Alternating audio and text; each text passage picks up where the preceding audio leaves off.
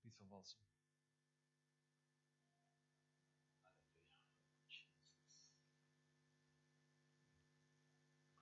Dankjewel, Rijn. Ik weet niet wat jij met mij doet, joh, maar er is iets wat elke keer bij jou gebeurt. Ik zat in de hemel ergens. Jammer dat ik weer terug moest. Wat doe je toch? Hebben jullie dat ook niet? Die man die kan zo aanbidden dat je denkt van ik ga naar de hemel toe. Maar ik moet nog even hier blijven. Is geen tijd. Hé Rijn? Oké, dank jullie wel dat ik uh, terug mocht komen. Uh, de bedoeling was dat we een, een, weekend hadden met elkaar. Nou, dat is uh, wegens omstandigheden allemaal anders gelopen. maar ik heb toch een boodschap. Dus ja, ik, ik, ik ben heel blij dat ik dat dan in ondanks dat het wat kort is, maar die boodschap is hetzelfde. Dus daar ga ik het over hebben met jullie vandaag. En uh, dat is een hele, ja, misschien een ouderwetse boodschap. Ik heb hem geleerd van Dirk Prins. Ik heb uh, heel veel met Dirk Prins mogen reizen. En veel met hem op hetzelfde podium mogen staan. Ik stond dan wel een beetje achter en hij stond vooraan. Op een gegeven moment werd hij ouder. En dan had hij twee uur gepreekt, twee uur. En mensen die, die, die hingen aan zijn lippen tot de laatste seconde. En dan zei hij, Piet, ik kan niet meer, wil jij even bidden? En dan stond je daar voor een hele grote zaal en mocht je bidden. En dan, dan dacht je dat je heel wat was, maar dat was onder zijn zalving. Dat, uh, dat erkende ik later ook natuurlijk. Maar ik heb veel van geleerd over zegen en vloek. En uh, dat heeft mijn leven enorm veranderd. En toen ik uh, de vorige keer met het seminar, dat hebben we Ik Ben genoemd, hier was. En toen heb ik heel veel verhalen gehoord samen met Wout en Annette en Ina. We hebben, we hebben veel persoonlijke gesprekken gehad, ook tussendoor met sommige mensen. En, en toen kwam ik echt op dit onderwerp. Ik denk, hier wil ik toch nog een keer met jullie over praten en over spreken. Uh, ik heb Wesley ook meegenomen. Wesley is een man uh, die komt uit mijn gemeente. Eigenlijk een hele gewone gemeentelid, net zoals ieder ander. Maar hij heeft een hele krachtige aanraking van God beleefd in zijn leven. En daar gaan we straks wat over horen. En dat heeft te maken met dit onderwerp. En ook hoe, hoe hij daar in zijn gezin gewoon mee om is gegaan. Ik wil even beginnen. Ik ben absoluut een hele slechte verkoper. Maar ik heb een boek geschreven, twee eigenlijk. En die mogen jullie straks kopen. En voor degenen die het seminar mee hebben gemaakt of er niet bij konden zijn, dat staat hier allemaal in. Ik ben. Het is een uh, supergoed boek. Er staan mooie getuigenissen in en een, ook een studie over uh, gewoon het ontdekken van wie je kunt zijn in Christus. En uh, iemand beneden gaat dat uh, aan jullie verkopen, want ik wil zelf hier blijven om nog te bidden en met mensen te praten. Um, ik, ik zat van de week op de Zoom, prijs de Heer voor Zoom. de, de corona krijgt mij er niet onder. Ik ben trouwens ook positief getest. Ik was al positief, maar corona heeft ontdekt dat ik dat ook was. Dus daar ben ik dan ook weer van klaar. Maar uh, ik, ik, dat zoomen dat is gewoon voor mij een zegen geworden. Niet voor iedereen, maar voor mij wel. Want je kunt de hele wereld bereiken eigenlijk. Hè? Dus, dus wat ik vroeger nog wel eens een keer via Skype probeerde, dat was toen heel populair. maar dat, dat had niet iedereen. Maar tegenwoordig iedereen heeft wel een middel om te zoomen. En ik was met een van mijn studenten uit Rusland aan, het, aan het praten. En wij hebben een groepje van een aantal personen bij elkaar en die train ik. En zij, zij, is typisch iemand die in een gewone, normale Nederlandse kerk heel goed zou passen. Zij, ze valt niet echt heel erg op. En ze zit er ook altijd. ze is heel trouw en ze is toegewijd aan de Heer en ze gelooft alles. Maar zij was eigenlijk niet geactiveerd om in de kracht van het koninkrijk te wandelen. Dus ze was een soort zondagskerkganger, zeg maar. Kennen jullie die ook? Dus, de, dus mensen die komen op zondag naar de kerk, daar hoor je hoe het koninkrijk kan zijn en hoe mooi het kan zijn. En dan ga je naar huis en dan gaat het leven eigenlijk weer gewoon door. Nou, dat was ook bij haar, zei Ludmilla. En uh, we, we spraken over het koninkrijk, over de kracht van Jezus in jou en hoe Jezus jou kan gebruiken op de plek waar je woont en waar je werkt. Nou, zij is een uh, verpleegster in een ziekenhuis. En uh, zij hoorde die les en begonnen daar steeds vaker over te praten. En ze zei, ja, maar dit wil ik ook. En ik zei, maar dat kan je. Ja, maar het is zo moeilijk. Ik zei, het is helemaal niet moeilijk. Je moet het gewoon doen. En uh, van stapje tot stapje begon zij daar vaker over na te denken, maar ook te doen. En deze week hoorde ik een fantastische getuigenis. Ik ben zo enthousiast dat ik het jullie moet vertellen. En ik zou het gewoon niet durven hoor. Ik ben heel eerlijk. Maar zij stond daar dus in de operatiekamer. En uh, dat was een hele gewone ingreep die, die, die, die, die dag. En het was ook niet met haar favoriete chirurg. Ze, ze werkte altijd met één chirurg waar ze heel goed mee kan samenwerken. Maar deze, dat was een mopperpot. En die liep altijd te klagen en zo. En het was niet prettig. En zo, hij was aan het opereren en plotseling ging er iets fout. En de hele operatiekamer stond op zijn kop. Er moesten van allerlei instrumenten bijgehaald. Die man die lag te sterven. En in één keer dacht Ludmila aan studie over het koninkrijk. En ze dacht, ja nou, dit is mijn kans. Dus zij ging midden in de operatiekamer staan. En ze begon het koninkrijk van God te proclameren. Ze begon de geest van de dood te bestraffen. Hardop, hardop. En iedereen hoorde dat.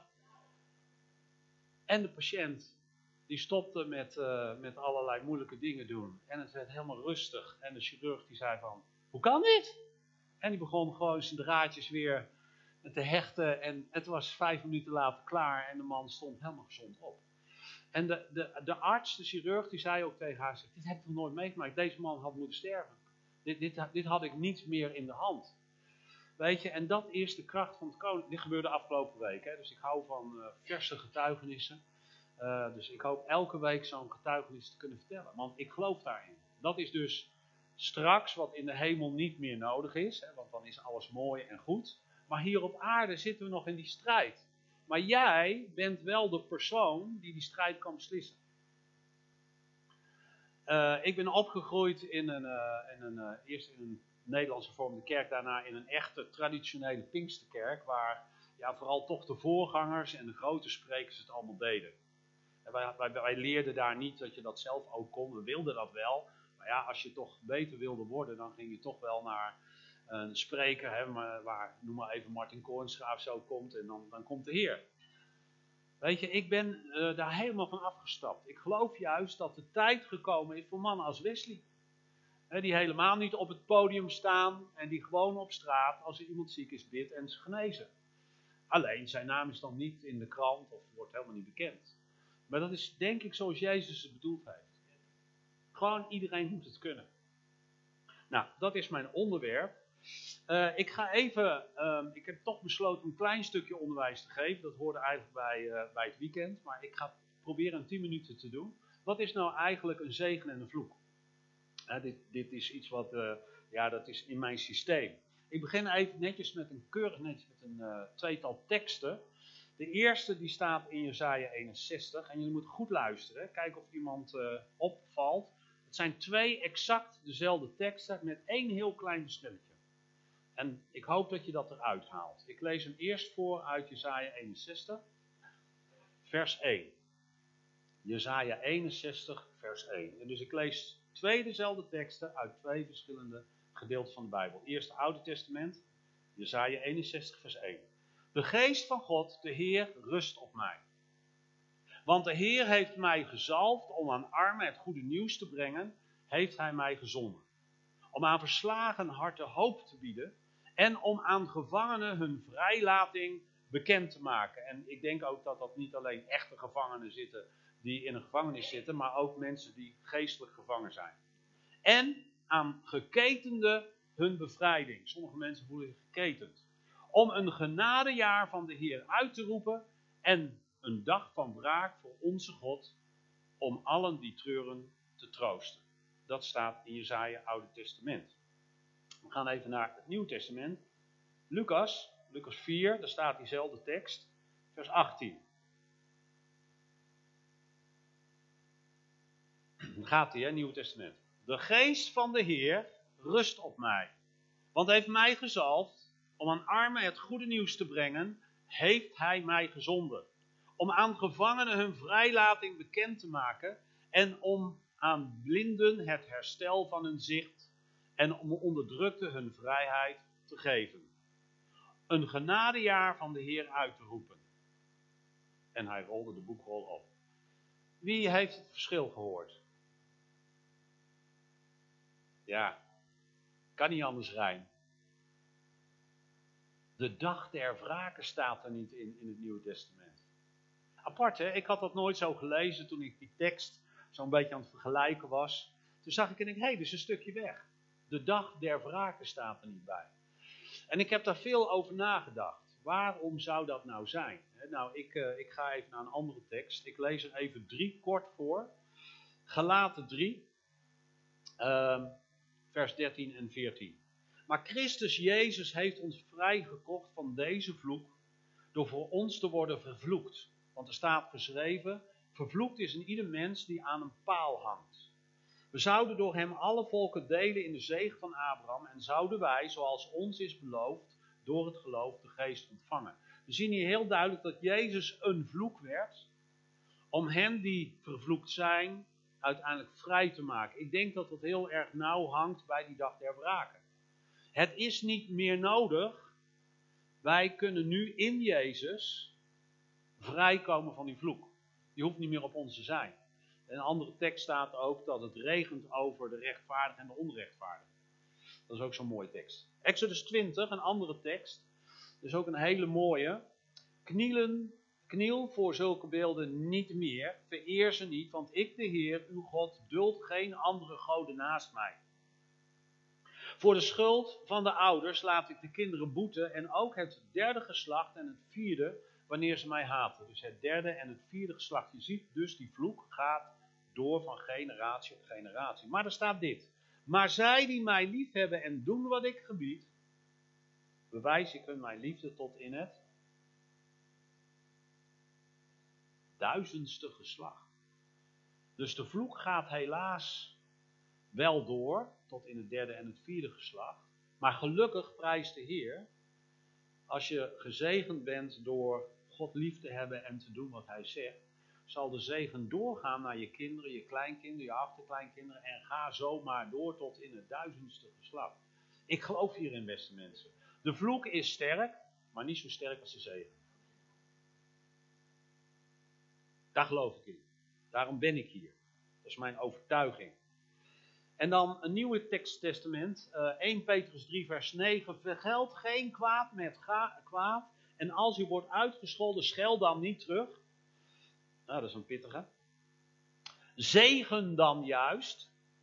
Ik, ik heb altijd het idee, ik wil een klap geven. Maar ja, ik ben nog niet zo heilig als jullie. Maar ik, ik wil schoppen. Ik wil, als, als ik gepest word of vernederd word, dan wil ik iets terug doen. Hier zegt Petrus, doe dat nou niet. Zegen daarvoor in de plaats. Doet iedereen dat? Opdat, opdat, er zit een, een, een belofte aan vast, je ook zelf zegen zult ontvangen. Met andere woorden, als je dat niet doet, dan mis je een stukje zegen. Deze kerk, kom en zie, is een kerk waar we zegenen, niet vloeken. Dit is een kerk waar we vrijmaken, vrijzetten en niet binden. Dat is wat het Nieuwe Testament eigenlijk doet. Die dag van de wraak is lang voorbij. Dit is een tijd van zegening. Want, zegt Petrus, daarvoor zijn jullie geroepen om te zegenen, niet om te vervloeken. En we zeggen het zo makkelijk op zondag, maar doen we het ook op maandag, dinsdag, woensdag en donderdag als het eens even tegen zit. Wat is eigenlijk een zegen? Ik heb Deuteronomium 28 even als leidraad, als je thuis op wil zoeken vind altijd hele heftige hoofdstukken. Er staat gelukkig ook een positief stukje bij. Die is, die is wat korter dan de, dan de ellende, maar dit haal ik eruit. Wat is een zegen? Een zegen is, je wordt verhoogd. Je zult vruchtbaar zijn. Je zult een goede gezondheid hebben. Je zult voorspoedig zijn in alles wat je onderneemt en Gods gunst is op je. En tot slot, je zult een hoofd zijn en niet een staart. Dat zijn de kenmerken van een gezegend persoon en een gezegende familie. Als je in Christus bent, hebben we net gelezen, zal geen vloek je treffen. Dus dat betekent dat je onder de zegen van God kunt leven. Ik zie dat in mijn eigen gezin. Je kunt het ook in mijn boek lezen. Ik schrijf daar eigenlijk best wel veel over. Van, ik, ik geloof dat ik als stamvader de poort ben voor de zegen voor mijn kinderen en mijn kleinkinderen. En als ik zie dat de vijandse aanval, we hebben in één jaar tijd een enorme aanval gehad op eigenlijk al onze schoonkinderen, op alle vier. Met zeer ernstige ziekte, tweede van bijna dodelijk. En ik pakte deze tekst en ik zei, Heer, dit gebeurt niet in mijn gezin. Je gaat het straks ook van Wesley horen. Mijn woorden bepalen of er leven komt of dood. Mijn woorden bepalen of wat ik in de Bijbel lees, geloof en toepas. Dus als ik negatief spreek, dan is dat ook een geloof. Een negatief geloof. Als ik positief spreek, zal dat uiteindelijk zijn zegen geven. Ik heb in de verhalen een aantal dingen opgepakt. Ik hoorde van verschillende, niet alleen ik, maar de anderen. We hebben gewoon even een soort evaluatie gedaan. Wat hebben we nou eigenlijk gehoord? Maar we hoorden dat verschillende van de mensen die hier of meekijken op uh, de videostreaming, uh, uh, dat, dat sommige mensen hun baby vroegtijdig afgestoten hebben of zelfs als de baby al geboren was verloren hebben. Dat, dat is er niet één, maar dat waren verschillende mensen, kindersterfte. Het tweede wat ons ook opviel was van allerlei spierziektes en aan bindweefsel. Ik vind het een lastige naam om uit te spreken, fibromyalgie. Een ziekte die eigenlijk tot op vandaag de dag onbekend is. Kunnen niet ontdekken wat nou de exacte wetenschappelijke reden zijn waarom die ziekte er is. Zo zijn er meerdere ziektes die onverklaarbaar zijn. Het is een ziekte waar je heel veel pijn en last van hebt. Je wordt er moe van, gestrest. Je kunt er depressief van worden en stijf. Het zijn rotdingen. En het, het fluctueert. De ene keer is het erger dan de andere keer. Men kan er niet de vinger op krijgen. En dat is mij echt opgevallen. Heb ik gelijk, klopt dat? Herkennen jullie dat een klein beetje? Nou, als dat gebeurt en ik ben in een land en, ik, en ik, als ik met mensen praat, dan, dan pak ik dingen op. Ik praat dus niet tegen deze mensen. Ik wil ook niet zeggen dat het een vloek is. Maar ik geloof heel sterk in mijn hart dat er ook een. Uh, dus in dit hele gebied, Zuid-Limburg, dat er dingen zijn gebeurd waardoor, zeg maar, uh, Rijn die noemde dat even, we zijn op een oorlogsgebied. Er is hier een strijd, een geestelijke strijd voor doorbraak van het leven van het koninkrijk van God. En ik geloof heel sterk dat God wil dat we in een tijd komen dat we in de overwinning gaan leven. Dat de kracht vanuit de hemel naar de aarde komt. En dat jullie als gemeente daar een, middel toe zijn. Ja? Wat ik heel graag even zou willen doen. Als je, als je uh, uh, naar de volgende punten wil luisteren. Ik noem een kort lijstje op. Normaal doe ik een hele studie daarover. Maar dat, eh, Dirk die kan dat fantastisch. Ik kan het niet zoals hij. Maar dan heeft hij een heel lijstje. En dan zegt hij van. Het is een soort checklist. Hoe komt een vloek eigenlijk over een gebied? En als wij in dat gebied wonen, hebben we daar een soort last van. We zitten daaronder, omdat we op vijandelijk gebied zitten. Woon je ergens anders, zul je daar minder last van hebben. als ik kijk, ik, doe heel veel in Afghanistan, zoals je weet. daar zie ik bepaald, bijvoorbeeld armoede is daar ongelooflijk. Dat is echt een vloek. We zijn daarvoor gaan bidden en we zien ook dat God dan sleutels geeft waar dat binnen is gekomen. Nou, ik geloof dat dat ook in Zuid-Limburg zo kan zijn. Er zijn er zes die ik kort opnoem. Zijn allemaal bijbeltek, bijbel, met bijbelteksten, maar die zal ik je besparen. De eerste is, dus de Bijbel zegt, je bent vervloekt als. Niet te luisteren naar Gods stem en je eigen weg kiezen. Deuteronomium. Exodus. Door je open te stellen voor occulte praktijken, andere goden te dienen en op hen te vertrouwen. Valse goden te aanbidden en een beeld van hem te maken. Dat is een andere vloek, de tweede. Je hoeft ze niet te onthouden hoor. De derde. Oneerbied, oneerbiedig zijn naar je ouders. Onnatuurlijk seksueel gedrag. Denk aan verkrachting, incest enzovoort. Geen respect voor de grenzen van anderen. En mensen die de rechten van arme vluchtelingen, weduwe en wezen schenden. Dat is in Deuteronomium. Genesis 12. Ieder die zich tegen het volk Israël keert. Ik heb daar heel veel mee te maken gehad met de Iraniërs. Iraniërs hebben zelfs een vervloekingsdag voor de Israëlieten, voor de Joden. En als ik elke keer als ik met hen erover sprak en zij begonnen hun zonde te beleiden als volk, gebeurde er iets positiefs. Er, er ging echt iets van, er ging een deksel af en er kwam zegen binnen. Dat gebeurde zo vaak, heb ik heel, in heel veel meetings gezien. Dus God heeft iets met het Joodse volk, zoals we weten. Uh, de ene laatste, Jeremia 6, 17, dat is echt iets waar ik aan geleden heb en dat ik in mijn leven moet verbreken.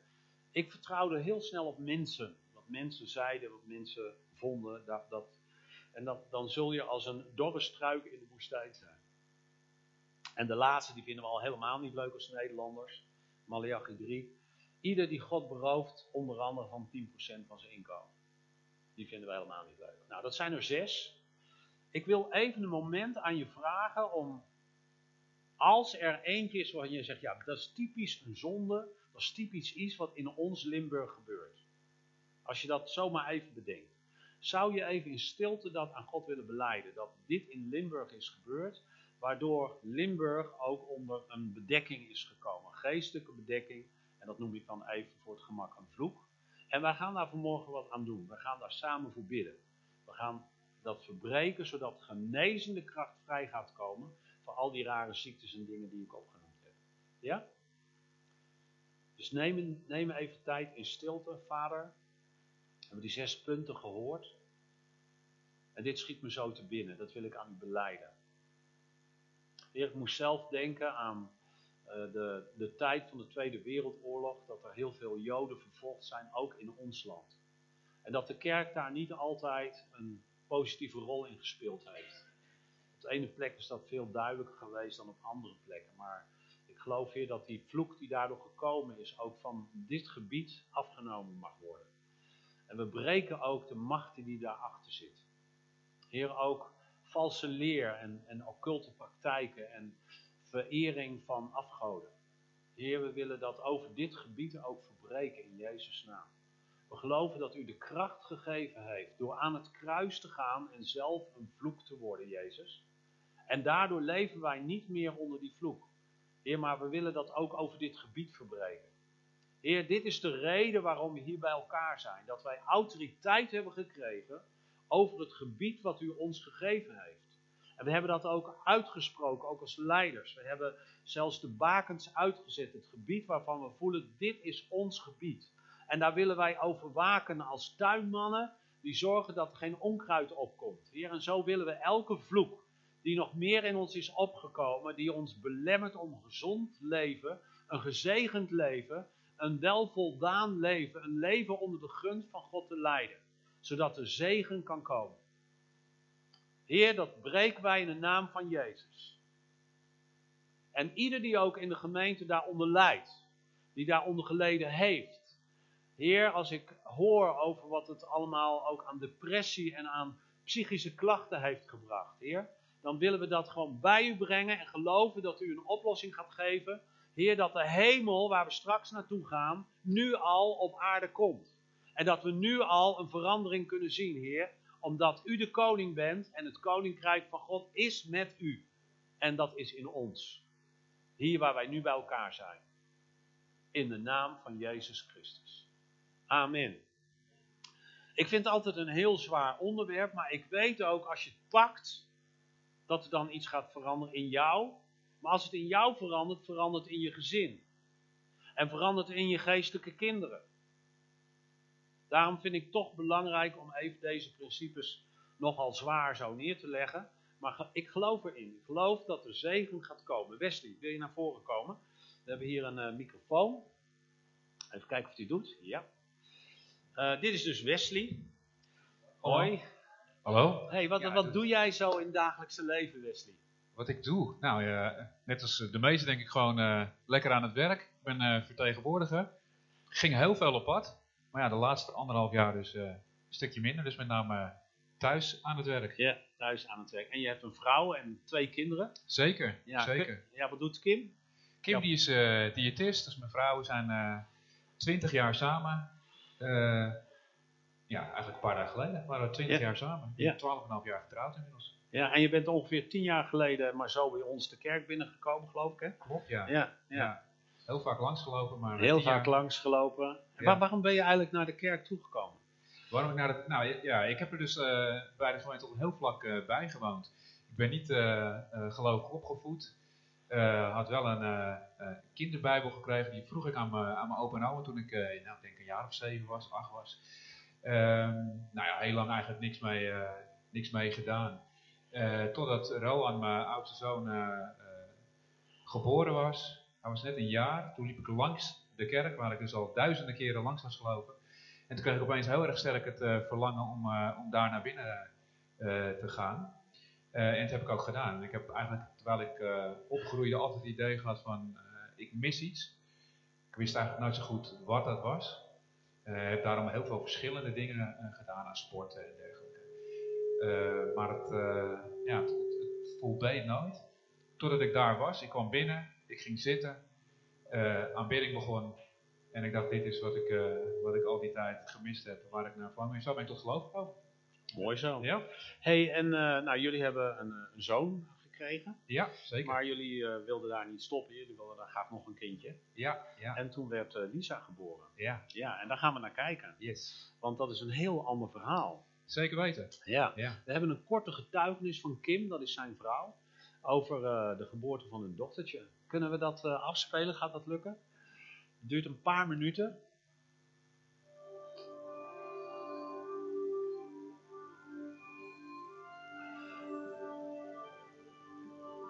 Zeven jaar geleden bleek dat ik niet zomaar zwanger kan worden. En van, voor ons zoontje hebben we een heel ziekenhuis eh, traject zeg maar, doorlopen. En dan wilden we niet nog een keer. Hormonen gebruiken en uh, word je geen leuke mensen van. We wilden wel graag nog een kindje. Dus eigenlijk vlak nadat ik tot geloof kwam eh, en ik on- ontdekte dat als het ware dat je eh, met God kan praten, dat je kan bidden en dat je kan, ook mag, soms mag vragen om dingen. Dus zo bad ik ook van ik zou zo graag nog een kindje willen. Nou ja, dat gebeurde.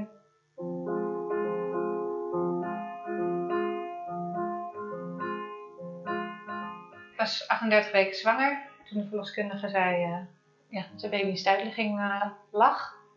Ik wilde heel graag thuis bevallen en dat eh, kon nu niet meer. Een week later werd onze dochter Lisa geboren. Ik herinner me nog dat Wesley en ik, mijn man en ik elkaar aankeken. Eh, en dachten, eh, gewoon opgelucht. We dachten van nou, we hebben hier ons druk om gemaakt. Het was gewoon, de bevalling ging gewoon goed. Ik had haar vast en ik kon haar nog niet zien, want ze lag ingewikkeld in eh, doeken. Dus ik vroeg of iemand wilde helpen om die doeken weg te halen, zeg maar, dat ik dat kon zien. Ehm, ja, en toen zag ik een meisje die gewoon heel veel pijn had.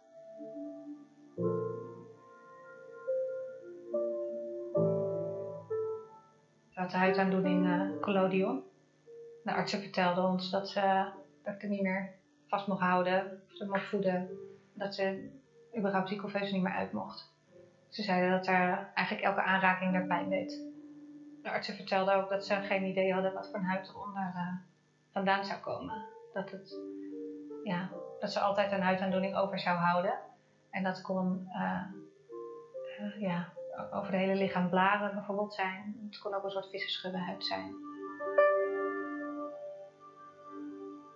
Als je dan voor het eerst thuis komt zonder baby, als je je zoontje moet vertellen dat hij niet bij zijn zusje mag. Hij mag er niet zien. Want ja, kinderen mogen niet op de intensive care komen. Uh, dat is niet leuk. Maar tegelijkertijd hadden mijn man en ik ook allebei zo'n ja, vertrouwen dat het goed zou komen. Ondanks dat de artsen zeiden dat ze nooit een, mooie huid zou krijgen, wisten wij gewoon dat, dat, ze dat, wel, dat dat wel zou gebeuren. Echt elke dag dat we in het ziekenhuis kwamen, was echt met sprongen vooruit gegaan. Dat ook de artsen zeiden van nou dit is echt bijzonder, dat hebben we nog nooit gezien dat het zo snel zo goed gaat, zeg maar. En na twaalf dagen mocht ze mee naar huis. Herinner me nog dat we de kleertjes aantrokken en dat uh, al het personeel van die afdeling uh, kwam kijken. Want dat zijn ze natuurlijk helemaal niet gewend, want vanaf de intensive care gaat nooit een kindje gelijk naar huis. Het is gewoon een gezond meisje. Ziet er een hele mooie uit.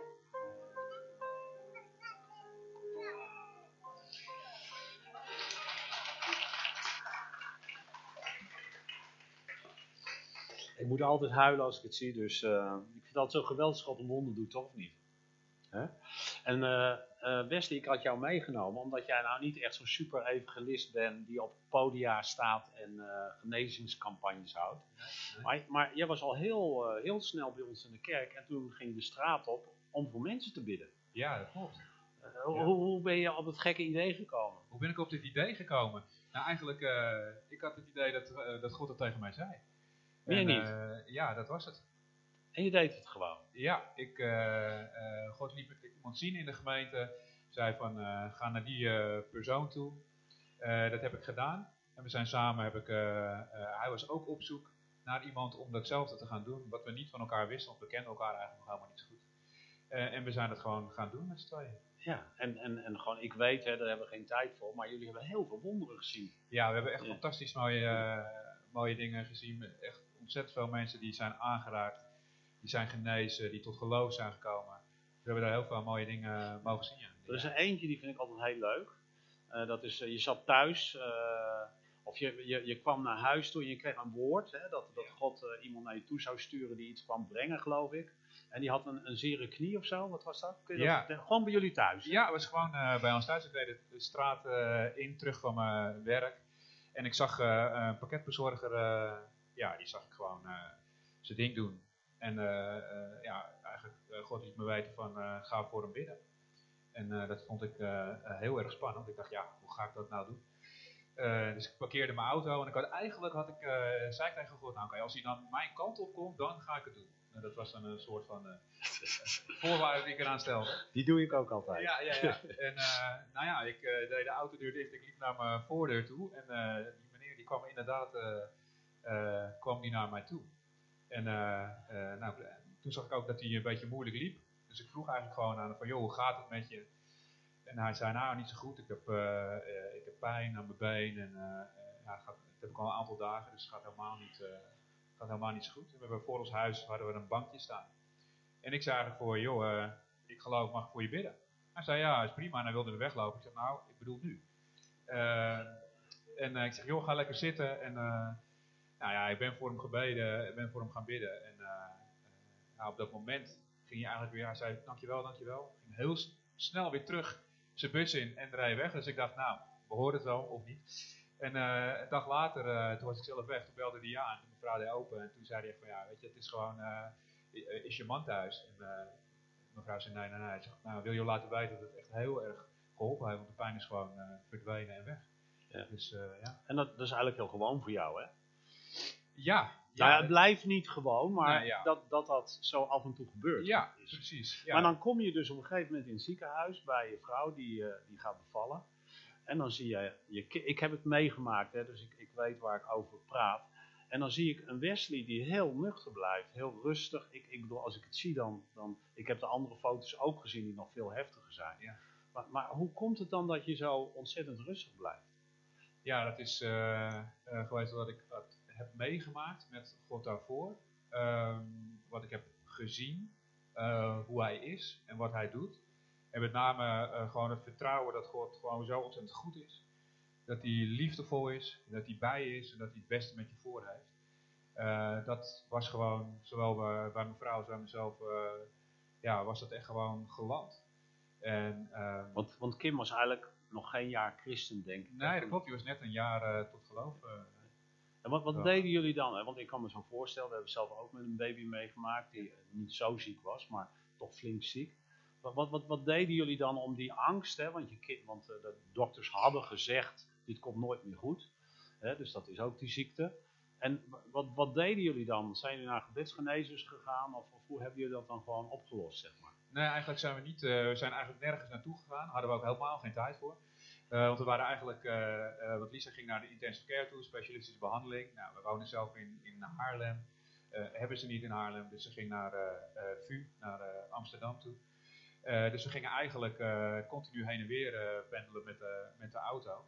En wat we eigenlijk deden is, je krijgt zoveel informatie over je heen, ook vanuit artsen, heel veel negatieve eh, berichten ook, of het zou waarschijnlijk heel snel eh, slecht gaan. En, eh, en wat we eigenlijk deden, we pakten gewoon de Bijbel en we hadden een psalm, psalm 103.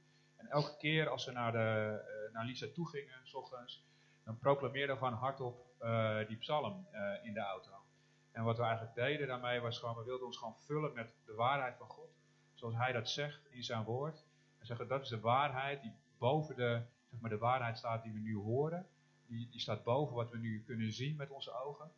Ehm, en daar vulden we ons eigenlijk mee. En Ja. dat was eh, eigenlijk ook als, en als we weer teruggingen en we hadden allerlei berichten eh, gehoord. En die niet in lijn lagen met eh, wat we lazen in Gods woord en hoe wij ervaarden en eh, dachten dat God is, dan verbraken we dat ook weer. Dus dan zeiden we, oké, de artsen hebben dit gezegd. Eh, en wil ik even helemaal duidelijk maken, ik, ik heb helemaal niks tegen artsen of want het echt, zijn fantastische mensen geweest. En ik geloof ook heel erg dat zij ehm, juist er alles aan doen om, eh, om ons beter te maken en ons te helpen. Dus dat staat er los van, maar soms worden de woorden gesproken. Ehm, en daar hebben wij eh, van gezegd, nee, da- daar willen we gewoon niet in meegaan. En dat, als we dan met z'n tweetjes waren, dan, ja, dan verbraken we dat. En dan zeiden we, uw waarheid staat hierboven. En er was één moment, hè, want het ging steeds slechter eigenlijk, toch? Hè? Dus laten we eerlijk wezen. Ja. Maar wat ik zo mooi in jouw verhaal vind, is dat je het soort het probleem in stukjes knipte. Want eh, Lisa kon op een gegeven moment niet drinken en dat is voor uitdroging en zo'n huidprobleem enorm slecht. En jullie gingen eigenlijk bidden dat ze dan niet aan het infuus hoefden, want dat zou verschrikkelijk zijn voor haar. Eh, kun, je, kun je vertellen, hoe kom je op zo'n idee? Wat, wat, wat, wat gebeurt er dan?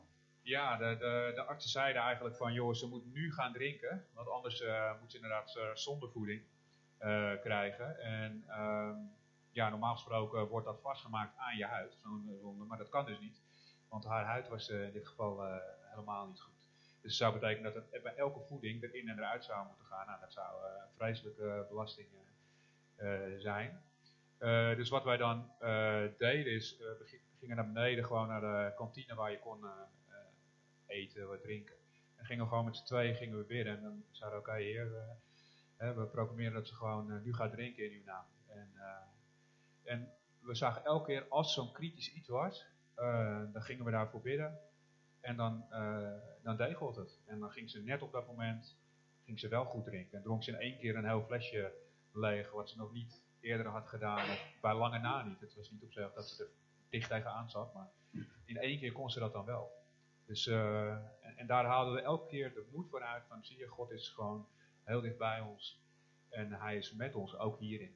Ja, hey, en terwijl jullie in die ellende zaten, was jullie oog ook niet alleen op het probleem gericht, maar ook op anderen die ook diezelfde problemen hadden. Want je kwam natuurlijk in een omgeving waar heel veel zieken waren en ook zieke kinderen. Vertel eens even van dat uh, echtpaar in de lift, geloof ik, of zo. Ja, dat klopt. Er, er liggen natuurlijk meerdere kindjes op uh, intensive care. En er was een, inderdaad een, een, echtpaar naast ons. En daar raakten we mee aan de praten voordat je de, care weer moet je wassen en een heel pak aantrekken. Dus op een gegeven moment raak je met elkaar aan de praat. En we stonden met elkaar in de lift en die ouders waren gewoon heel erg ja, wanhopig. Want met hun kindje wisten ze niet wat er aan de hand was. Artsen konden het niet achterhalen. En toen zeiden we van, joh, weet je, wij geloven. En mogen we ook voor jullie kindje bidden? En vinden jullie dat oké? Okay? En toen zeiden ze, ja, dat is goed. Ze zeggen, nou, oké, okay, dan gaan we dat, gaan we dat vanavond voor jullie kind doen. En we zijn gewoon, toen we thuis kwamen, samen gaan bidden. En met z'n tweetjes. En de volgende dag kwamen we weer terug op die intensive care. En toen wisten die artsen exact wat er met het kind aan de hand was. En mocht hij ook gelijk van de intensive care af, omdat, af, omdat ze wisten van, nou, nu weten hoe het verder moet. En dat is goed gekomen ook, hè? Ja, ja. ja. Hey, en dan op een gegeven moment, nou Lisa wordt langzamerhand beter, hè, wat heel verbazingwekkend was voor de artsen, geloof ik. Ja. en dan op een gegeven moment vertelt Kim, uh, ja, jullie mochten in één keer naar huis. Dat is, ja. hoe, hoe, was dat voor, de, voor dat personeel en, en, en zo? Ja, dat was ook eh, ja, voor hun ook een hele grote stap. Want eerst eigenlijk hetzelfde gaan. Eerst zeiden de artsen van nee, ze mag niet in één keer naar huis. Want je moet eerst van een intensive care naar zeg maar, een normale ziekenhuisafdeling toe. En dan pas mag je naar huis. Uh, ook daarvoor zijn we gaan bidden. En toen zeiden ze, oké, je, mag, je mag er, toen de beslissing echt genomen moet worden, zeiden ze, nou ja, we, zien een bepaalde kracht in jullie. jullie, mogen, jullie mogen er mee naar huis nemen. En ja, de, de verpleging is dat dus helemaal niet gewend dat een kindje vanaf intensive care aangekleed wordt, kleertjes aankrijgt. Want ze liggen daar allemaal gewoon in luiertjes en Dus het was bijzonder. Dus ze kwamen gewoon echt, uh, Kim noemde dat net even, ze kwamen echt kijken van, en afscheid nemen Ja. toen ze naar huis mochten. Ja. Hey, en hier in de gemeente zijn we bezig met thuisgroepen. Hè, dus Ja. die, eh, die, die dus gewoon met bij elkaar komen voor bijbelstudie. Maar in jullie geval eh, heeft het ook heel veel meegeholpen. Kun, kun je daar heel kort iets nog over zeggen? Hoe heeft die, bij ons noemen we dat anders, eh, Ja. maar hier noemen ze thuisgroep. Ja. Hoe, hoe heeft zo'n thuisgroep jullie nou daarin geholpen in dat proces? Nou, de thuisgroep is gewoon heel erg, eh, heel erg ondersteunend geweest. We hadden zeg maar, zelf een, eh, een appgroep aangemaakt. Waar we eigenlijk iedereen eh, in hadden gedaan. Dus, Inclusief niet-gelovige Ja. ouders en familieleden. Ja, ja, ja, alles zat in die ene groep. Er werden allerlei dingen ingesproken en gedaan. En, ja, Zoals ons- 13 het deed. Ja, ja, precies. Dus het, het was heel erg. Ja, we- weet je, er werden, dat speelden we ook af op de, eh, bij Lisa. We het af als iemand een woord had of, eh, of iets, eh, of genezing uitspraken. Dan speelden we dat bij de couveuse. speelden we dat af. En het was gewoon heel erg fijn om te weten van, joh, er zijn, er zijn gewoon mensen die voor je aan het bidden zijn. Er waren mensen die gingen bidden voor ons, er waren mensen die gingen vasten. Ehm, ja, van alles. Dus het was een hele... En ook heel praktisch, hè? Heet Ja. ook, Ja, er kwamen ook. eh, andere mensen die kwamen weer aan de deur en die zeiden van joh, eh, we willen boodschappen voor jullie doen, we gaan voor jullie koken. En eh, eh, dat was ook een, een enorme steun. Eh, gewoon dat je, je kan je helemaal focussen op, eh, in dit geval op, op ons kind. En eh, dat mensen gewoon aankomen en zeggen, joh, weet je, ik heb dit voor, je, voor jullie gekookt. En je, je hoeft verder nergens anders aan te denken dan gewoon dat. En dat is gewoon, Ja. weegt ja, heel want ik vroeg aan jou van waar komt je meeste steun vandaan? Hè? Dat was eigenlijk het eerste wat je noemde van, hè, van het home groep. Ja. Eh, dus dat die, eh, dat die gewoon zo eh, enorm betrokken waren. Nou, dankjewel. Niet weglopen. We gaan de meeting stoppen. En ik, ik kan natuurlijk niet jullie naar huis sturen voor zegen. En, en ook voor hen die, die gewoon echt